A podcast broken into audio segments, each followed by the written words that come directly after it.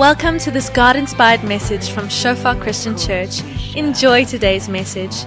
May you experience the presence of our Father and may you grow deeper in your relationship with Him.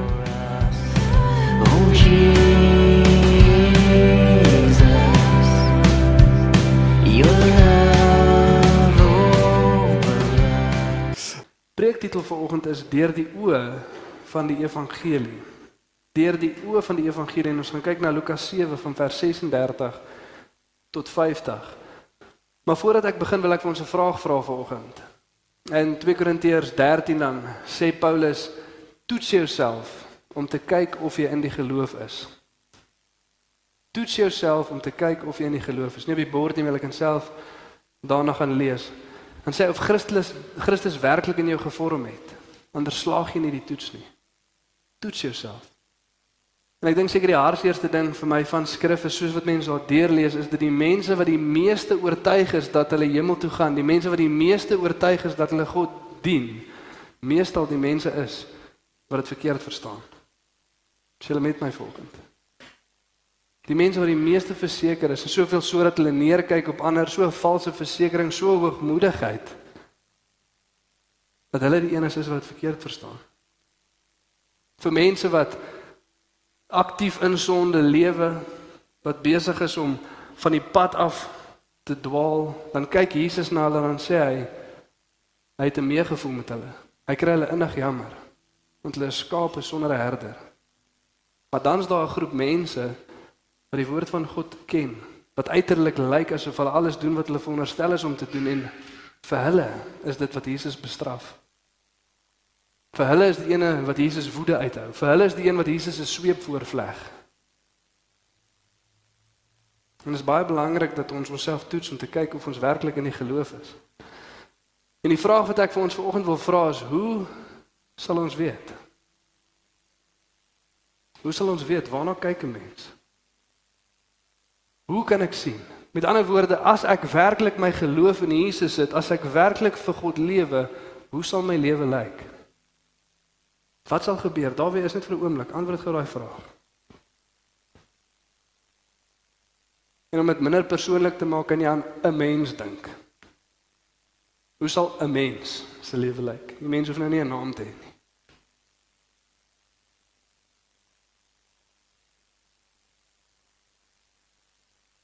Wat sal verander?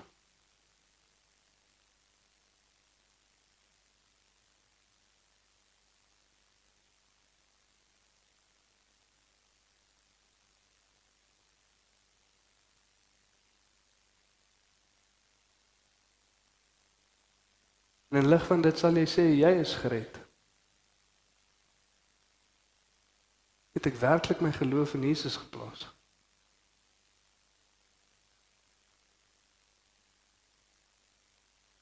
Met die goeie ou vraag as jy nou moet sterf net waar jy is.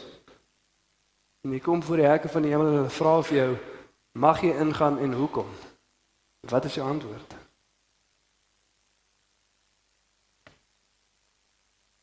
En wat was die vrug van daai realiteit in jou lewe? Soos Paul Washer sê om te sê dat jy Jesus iewers ontmoet en jy lyk nog steeds presies dieselfde, sal wees om te sê 'n trok het jou raak gery en jy lyk nog steeds dieselfde. Ietsie van daai grootheid en gewig wat jou tref waarmee jy ontmoeting het, jy kan nie dieselfde lyk nie. Kan nie dieselfde leef nie, is onmoontlik. Maar wat verander en hoekom verander dit? En vandag gaan ons kyk na hierdie storie in Lukas 7, 'n bekende storie. 'n storie van 'n Fariseer, Simon wat Jesus na sy huis toe nooi. En Jesus gaan eet by die Fariseer en soos wat hulle besig is om te eet, kom daar hierdie sondige vrou. En kom bedien Jesus terwyl die mense geskok staan met waarmee die vrou besig is, oor wie die vrou is. En jy kan nou so half dink soos my ma nou gesê het ons babatjie lê die laaste 2 weke in ICU, hy's nou gelukkig terug by die huis. Van julle het so hard gebid, hy't sommer 'n paar weke geskiep en is bietjie vroeër daar. Dankie vir dit. Maar soos wat ons elke aand van Trigard af terugry huis toe, by daai pad waar die garage in Trigard is, net so 'n paar stoppe verder is altyd 'n groep vrouens wat so op die hoek staan laat in die aand. En mense weet hoekom hulle daar staan. Wat hulle graag wil hê waarmee hulle besig is. En die storie sê hierdie is 'n sondige vrou. Die mense het geweet sy is 'n sondaar, hulle het geweet waarmee sy besig is. En baie mense neem aan dat dit was 'n prostituut gewees. Juist oor daai rede, as hulle ook laat die aand daar verbyloop of verby daai straat loop, sy staan altyd daar. Die mense ken haar, weet wat haar naam is, weet waarmee sy besig is, weet hoe sy lyk. En hier's die heilige mense besig om te eet. En hier stap die vrou in. Jy kan sou half dink die eerste vraag is, okay, maar wie ken sy wie hier is? Dit dit dit raak nou 'n bietjie weer, nê. Nee. Ken iemand haar wie haar nommer? Wie's vriends met haar op Facebook? En hier stap sy na Jesus toe. En ewe skielik begin die mense wonder nie net oor die vrou nie, maar ook oor Jesus. Wie's werklik hierdie man? En hulle sien nie deur die oë van die van die evangelie nie, hulle het 'n persepsieprobleem. En een van die goeie wat ons leer uit hierdie storie uit is dat as ons werklik die evangelie verstaan, gaan dit beïnvloed hoe ons na onsself kyk, hoe ons na ander kyk en hoe ons na God kyk. Dit leer ook vir ons dat dit gaan affekteer hoe ons reageer teenoor Jesus. Wat ons motief is. Sien want Jesus kyk nie net na wat ons doen nie, maar ook hoekom ons doen wat ons doen. Ons sien net 'n stel reëls nie. Jesus het afgekom en gesê, "Hey ouens, net om julle weer te herinner, hierdie is die reëls. Doen dit nou." Nee, maar ons hartsverandering moet ook moet gebeur. Nie net wat ons doen nie, maar ook hoekom ons doen wat ons doen. En in hierdie storie sien ons hoe hierdie twee verskillende mense, Simon die Fariseer en hierdie sondige vrou, reageer teenoor Jesus. En ook wat hulle persepsie is van die mense om hulle en van Jesus en van hulle self. So kom ons lees lekker saam deur en Kyk wat ons kan leer. Lukas 7 van vers 36 tot 50. En een van die fariseërs het hom genooi om by hom te eet. En hy het in die huis van die fariseer gekom en aan tafel gegaan. En net om die prentjie nou so af te skets en daai dae was dit lekker kort tafels geweest. Die mense was baie rustiger as ons. So hulle so 'n bietjie gelê as hulle eet, salf met hulle kant van hulle lyf en hulle elmboog op die tafel met hulle voete na die buitekant toe. So almal lê so half in na die tafel toe en hulle voete is aan die buitekant van die tafel net om die prentjie mooi te kry. Sit nie daar onder die tafel ingeklim en was daar onder die mense se voete besig nie. En toe 'n vrou in die stad wat 'n sondares was, verneem dat hy in die fariseer se huis aan tafel was, het sy 'n albaste fles met salf gebring. Of beter vertaal duur parfuum. En agter by sy voete gaan staan en geween. En sy het sy voete begin nat maak met haar trane en hulle afgedroog met haar hare van haar hoof. En sy het sy voete gesoen en met salf gesalf. Toe die fariseer wat hom genooi het dit sien, sê by homself: "Hy, as hy 'n profeet was, sou hy geweet het wie en watter soort vrou dit is wat hom aanraak, want sy is 'n sondares." En Jesus antwoord en sê vir hom: "Simon, ek het iets om aan jou te sê." En hy antwoord: "Meester, spreek." Jesus sê toe: 'n sekere geldskieter het twee skuldenaars gehad. Die een het 500 pennings geskuld en die ander 150. En omdat hulle niks gehad het om te betaal nie, het hulle dit aan albei geskenk. Sê nou, wie van hulle sal hom die meeste lief hê? En Simon antwoord en sê: Ek veronderstel die een aan wie hy die meeste geskenk het. En hy antwoord hom: Jy het reg geoordeel. Daarop draai hy om na die vrou toe en sê vir Simon: "Sien jy hierdie vrou? Ek het in jou huis gekom, water het jy my nie vir my voete gegee nie, maar sy het met haar trane my voete nat gemaak en met die hare van haar hoof afgedroog. 'n Soen het jy my nie gegee nie, maar sy het vandat sy ingekom het, nie opgehou om my voete te soen nie. Met olie het jy my hoof nie gesalf nie, maar sy het my voete met salf gesalf. Daarom sê ek vir jou, haar sonde wat baie is, is vergewe want sy het baie lief gehad. Maar hy vir wie weinig vergewe is het weinig lief. En hy sê toe vir haar jou sondes is vergewe. Toe begin die wat aan tafel was by hulle self te sê wie is hierdie man wat selfs die sonde vergewe? En hy sê vir die vrou jou geloof het jou gered. Gaan in vrede. Mooi storie. Toepaslike storie veral in vandag se kultuur en konteks myself toe ook so toe Dit is baie geneig om te sê veral in ons tradisionele Christelike Afrikaner kultuur maar ook so die westerse kultuur en ook so ander gelowe in die wêreld wat hierdie miskonsepsie het wat hierdie fariseer ook het oor die evangelie. En dit is baie belangrik vir ons om dit reg te verstaan vanoggend. En die eerste ding wat ons leer uit hierdie storie uit is net omdat jy Jesus na jou huis toe nooi beteken nie noodwendig dat jy gered is nie. Baie belangrik om dit te besef. Hy noem ook vir Jesus meester. Jesus die meester wat hy na sy huis toe nooi. Net omdat ons Jesus meester noem, om net omdat ons hom na ons huis toe nooi, beteken nie noodwendig dat ons gered is nie. Beteken nie noodwendig dat ons ons geloof in hom geplaas het nie. En weer eens Jesus kyk nie net na wat ons doen nie, maar hoekom ons dit doen. En die vraag wat ons onsself moet vra is hoekom? Hoekom het hy Jesus na sy huis toe genooi? Wat was die rede? Wat was die motief? Hoekom is Jesus daar? En selfs vir ons, bietjie moeiliker as dit by onsself kom want ons is geneig om ons self te mislei oor dit wat werklik in ons harte aangaan. Soos die skrif sê, die hart is bedrieglik bo alle dinge. Dit is baie keer vir ons moeilik om regtig uit te vind hoekom en wat ons graag wil hê. Samper soos as jy vir jou vrou verduidelik hoekom jy daai ding wil koop. In die begin weet jy dis net omdat jy hom wil hê, maar later glo jy amper jouself. Dis veiliger en met die potholes en met al daai kyk, ek kan eintlik 'n slegte pa wees en 'n slegte man wees as ek nie die goed vir my familie kry nie.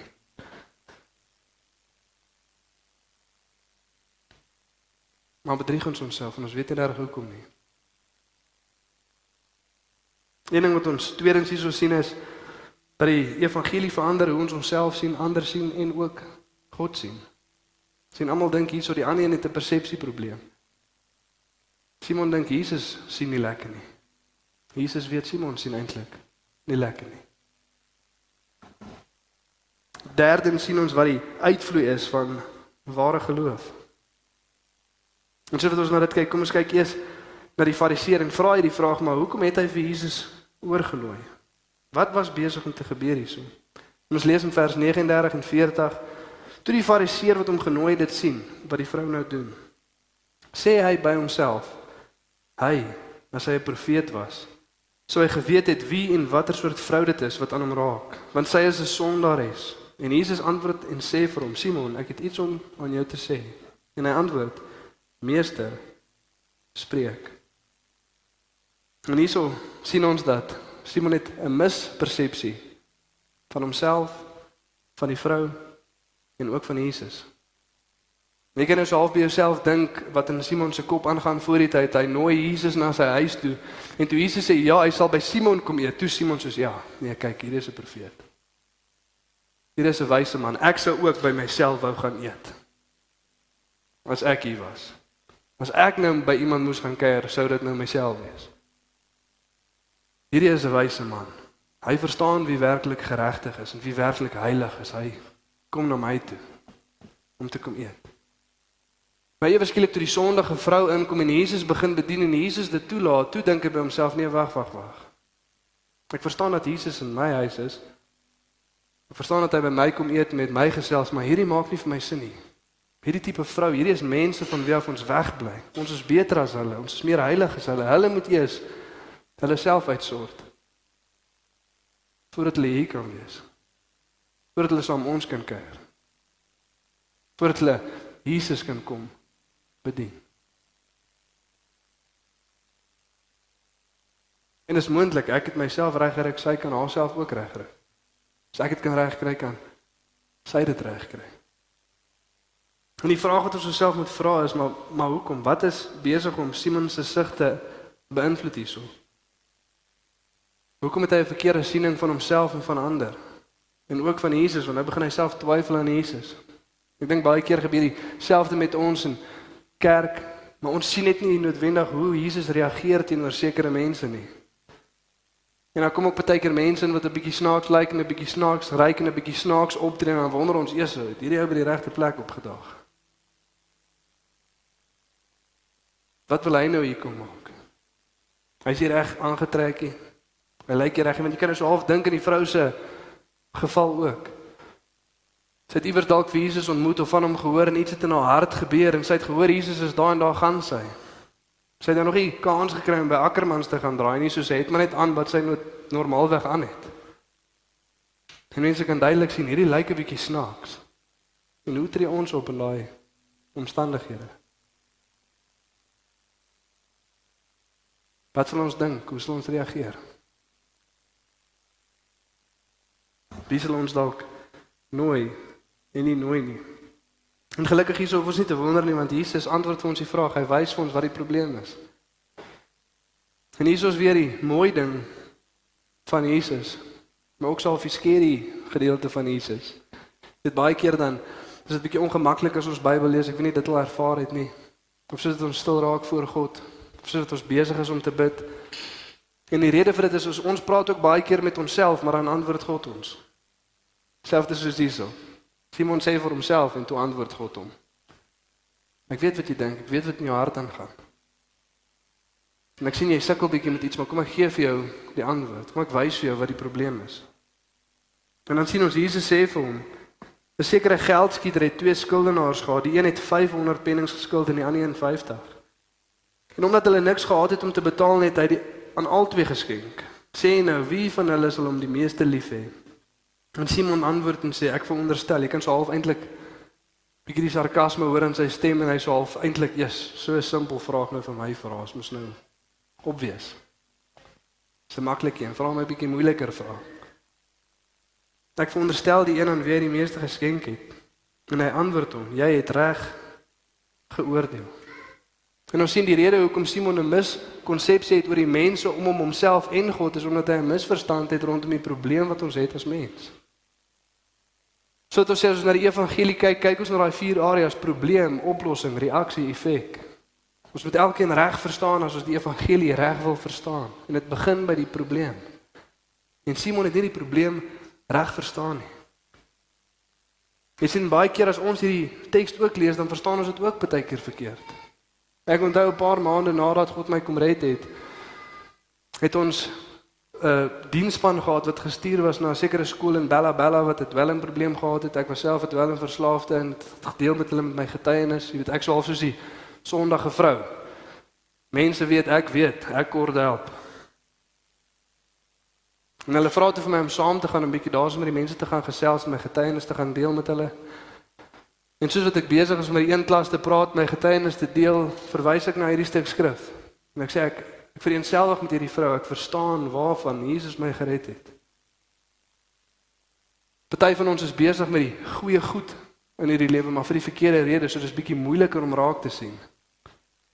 Nou kon sien, besig met die verkeerde goed vir die verkeerde redes. En Jesus het my kom red. En ek verstaan waarvan hy my gered het en dis hoekom ek kom dien soos wat ek hom wil dien.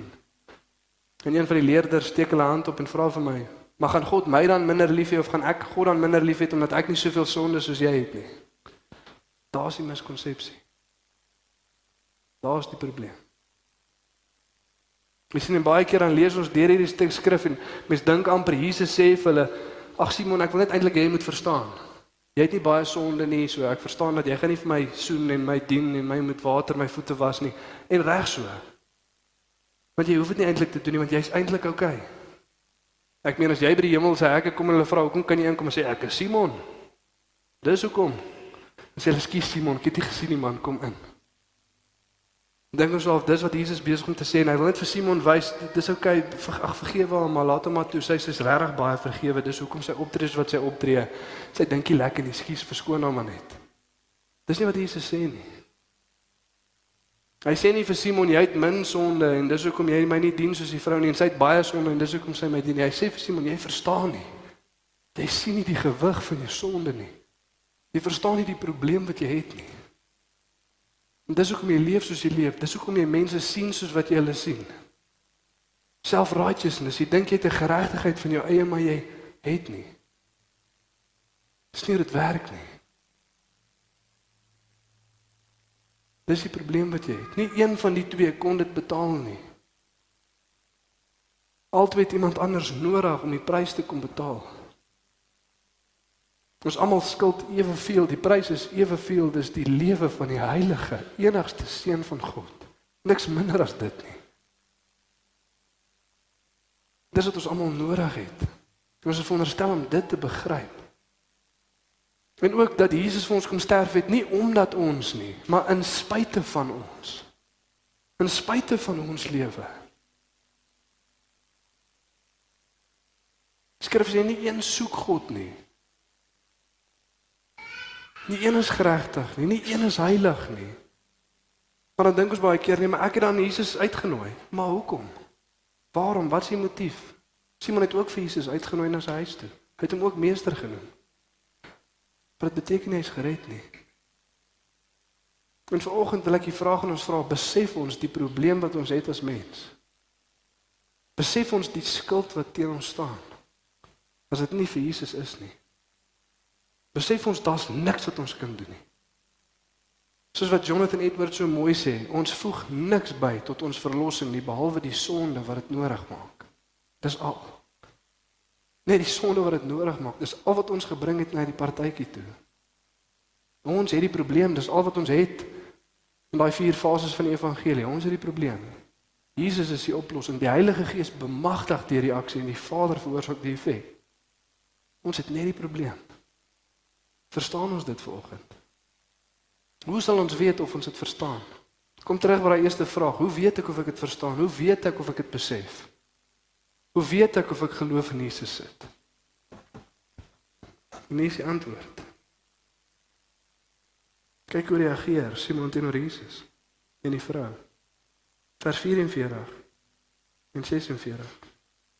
sien jy hierdie vrou? sien jy hierdie vrou? sien jy kan jy reg sien is jou persepsie reg van die mense om jou? Ek het in jou huis gekom. Water het jy my nie vir my voete gegee nie, maar sy het my met haar trane my voete nat gemaak en met haar hare van haar hoof afgedroog. 'n Soen het jy my nie gegee nie, maar sy het. Vandat sy ingekom het, nie opgehou om my voete te soen nie. Met olie het jy my hoof nie gesalf nie, maar sy het my voete met salf gesalf. En Jesus sê vir Simon, jy het my nie hiertoe genooi om vir my iets te gee nie. Jy het my nie hiertoe genooi om my te bedien nie.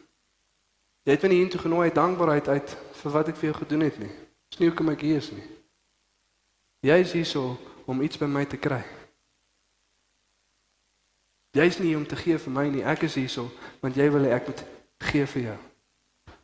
Dis die probleem van 'n werksgebaseerde evangelie. Ek het nou my deel gedoen, so nou gaan ek vir Jesus nooi om te kom kyk hoe oulik ek in my huis is sodat hy vir my kan gee wat my toekom en ek beter dit kry. Anders dan gaan ek nie meer gelukkig wees nie. Ek het my deel gedoen, hy beter nou sy deel doen. Ek gaan ook nie Jesus soek nie. Hy moet kom na waar ek is. Daar gaan nie aksie wees nie. Die aksie is klaar. Ek het my deel gedoen. Klomp goeie werkies, klomp morele goeie keuses. Ek is 'n goeie mens. En dan as slegte goed gebeur of dit gaan bietjie bedrywig in ons lewe dan Here, hoekom? Hoe kan nie? Ek doen my deel. Hoekom doen u nie u deel nie? Waar is die area waar ons dit gaan sien? In ons gebedslewe. As ons een het. Waarvoor bid ons? Waarvoor leer ons ons kinders om te bid? As jy aand hulle in die bed sit, wat sê ons? Here, dankie vir 'n lekker dag. Ons kom bid vir Deen wat 'n bietjie siek is. Ons kom bid vir daai en by die skool sodat hy daai span sal kry en hierdie goeie punte sal kry en ook dat hy ons beskerm en dat ons lekker sal slaap. Amen. Ja, yes, dis 'n oulike God. Want ons het ons deel gedoen, so nou beter hy sy deel doen. Maar as hulle vir Jesus vra, hoe moet ons dan bid? Dan sê hy vir ons hoe ons moet dit. Vader, U naam geheilig. U koninkryk kom, U wil geskied. Is dit eerste?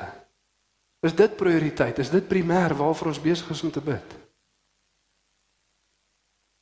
Om die naam op te lig van 'n heilige God. Om vir God te sê u koninkryk kom. Bid ons vir die wat verlore gaan. Paulus skryf eerstens wil ek hê moet dan bid vir die mense wat verlore gaan. Bid vir die wat in krag is. Bid vir die regering. Bid vir die. Dis ons besig om te bid vir dit. Dis ons besig om vir Here te vra om ons te lei sodat ons evangelie kan verkondig daar waar ons werk en in die families waarin ons is. Wanneer laas was daar iets wat jy desperaat wou hê maar op die einde dan sê nog steeds vir God Here nie te min. U wil geskied nie myne nie. U wil geskied. Dan bid ons, Here gee ons ons daaglikse brood. Met ander woorde dit wat ek vandag kort. Vergewe ons ons sondes. Wanneer laas het ons voor die Here gaan sit en ons sonde gaan bely? En nie net Here vergewe ons sonde, amen nie. Wat is dit? Wat is ons sonde? Wat noem ons dit? Met gisteraan toe ek saam met my kindertjies bid, hulle help my ten minste want jy weet jy het ook 'n bietjie trots in jou hart. Jy wil nou nie jy wil vir hulle 'n voorbeeld stel, maar jong, jy wil nou nie vir hulle details gee nie. En ek sê ook vir die Here, Here, jammer daar waar ek lelik was vandag en Jan sê toe nee, sê toe pappa my vinger gebyt het. Want ek was so 'n bietjie geïrriteerd en frustreerd toe sy vinger in my mond druk te buite kom. Toe sê ek ek hou nie daarvan nie. Hy sê maar pappa moet my nie byt nie. Want ek sê vir hulle nie, nee, moenie net sê nie, sê wat? Wat het jy gedoen? Noem hom op sy naam. Maar met pappa ook sê toe pappa my vinger gebyt het. Wanneer laas het dit gedoen? Of was ons besig om Jesus uit te nooi sodat hy ons lewe meer gerieflik kan kom maak? Hoekom dien ons Jesus? Is ons besig om Jesus te dien? Is ons toegewy aan hom? Of kom ons maar die Sondag wat ons net maar hier is en dit lyk na 'n rustige Sondag? Die Woensdag gaan ons maar self toe as niks anders gebeur nie. Of baie van ons ook jong as dit woelig gaan, as daar nou ietsie fout gegaan het of 'n verhouding lei bietjie skade wat boep, dan ons die Here hier met nou kom help. Kort gegou iets. Of is ons konstant besig om onsself uit te stort vir die voete van Jesus? Besig om hom te dien. En hoe reageer ons as ander mense dit doen? En ek weet verskillende kulture en kontekste en almal is dalk gewoond aan 'n bietjie ander manier van kerk doen. Maar nou as ons besig met worship of met lofprysing, hier sak iemand sommer op die grond op hulle knieë. Wat is jou reaksie? Wat maak daai persoon? Dis mense om hulle nie gaan doen dit by die huis op die eie. Die evangelie het jou nog nie kom vrymaak van die vrees van mense nie. Sien dis die vrou se persepsie van die mens om hulle nie beter as of meer heilig as of slegter as nie. Net ons almal het dieselfde probleem. Ek weet nie of julle dit weet nie, ons almal het dieselfde redder. Sy naam is Jesus. So kom ons dien hom saam. Maak nie saak wat die mense om my dink nie. In lofprysing wil jy ook voel hoe voel dit om jou hande in die lug te steek en net vrylik God te dien sonder om te worry oor wat die mense om jou dink. Verstaan die evangelie. Laat dit jou losmaak van die vrees van mense. By die werk as jy moet opstaan vir daai ding of vir daai persoon vertel van God en van Jesus, wat gaan in jou hart aan? Laat toe dat die evangelie jou kom vrymaak van die vrees van mense. Dis hoe 'n lewe lyk wat werklik die evangelie reg verstaan, wat weet wie ons is, wat weet wie Jesus is, wat hy kom doen het en hoe ons reageer teenoor dit. Ons stort alles uit op die voete van Jesus. Jy sien binne die hart wat begryp dat God het klaar vir ons kom sterf. Hy het klaar die prys betaal. Hy het klaar die skuld vergewe al het ons niks gedoen nie. Al verdien ons niks. Dit lyk dan soos die vrou wat kom om God te dien met alles in haar. Maak nie saak wat die mense om haar dink nie. En dit wat waardevol in hierdie lewe is, is nie wat sy wil hê by Jesus nie, maar dis wat sy uitstort op die voete van Jesus, want sy het klaar gekry wat meer belangrik is as enigiets anders. En dis vergifnis van 'n heilige God en vriendskap met hom. Ons niks meer as dit wat ek wil hê nie. En dan kom draai Jesus sy hele lewe om. Dit wat sy eers gebruik het vir sonde, gebruik sy nou om God te dien. Ek weet jy of jy dit kan sien in hierdie teks nie. Maar wat het sy gebruik om mans te verlei om sekere goeders te doen, haar oë, haar lippe, haar hare, haar parfuum? Was deel van wat sy gebruik het om in ongeregtigheid te lewe. Nou bring sy alles van dit. En sy huil met haar oë, trane op Jesus se voete. En sy soen sy voete met haar lippe. Sy droog dit af met haar hare en sy gooi die parfuum op Jesus se voete. Alles, Here, my hele lewe uitgestort vir U. Ons is besig om Jesus te dien met toegewyde harte. En weer eens die reaksie wat ons moet besef vanoggend as ons sien nee maar ons doen dit nie of ons kyk neer op ander of ons dink ons is dalk beter as of slegter as of wat ook al. En ons kyk neer op ander wat Jesus op 'n vreemde manier dien want ons dink hulle is bietjie weird nou. Die antwoord is nie nou om klomp goed te gaan doen nie. Maar die antwoord is om te gaan stil raak vir God en te kyk na die wonderlike waarheid van die evangelie. Here kom wys my. Kom openbaar my. Ek het al gehoor, maar ek besef nie wie ons as mens is. Want jy sien wat is die kern van sonde? Jy om klomp aktiewe verkeerde goed verkeerd te doen, maar om te lewe vir onsself. Hoe ook al oulig dit mag lyk, vir wie lewe jy? Vir God of vir jouself? Dit is duidelik hier dat die kern van sonde nog stewig is in Simon se lewe. Hy lewe vir homself. En hy sit in sy eie huis en hy nooi Jesus na sy huis toe om hom te kom seën met die goed waarmee hy besig is.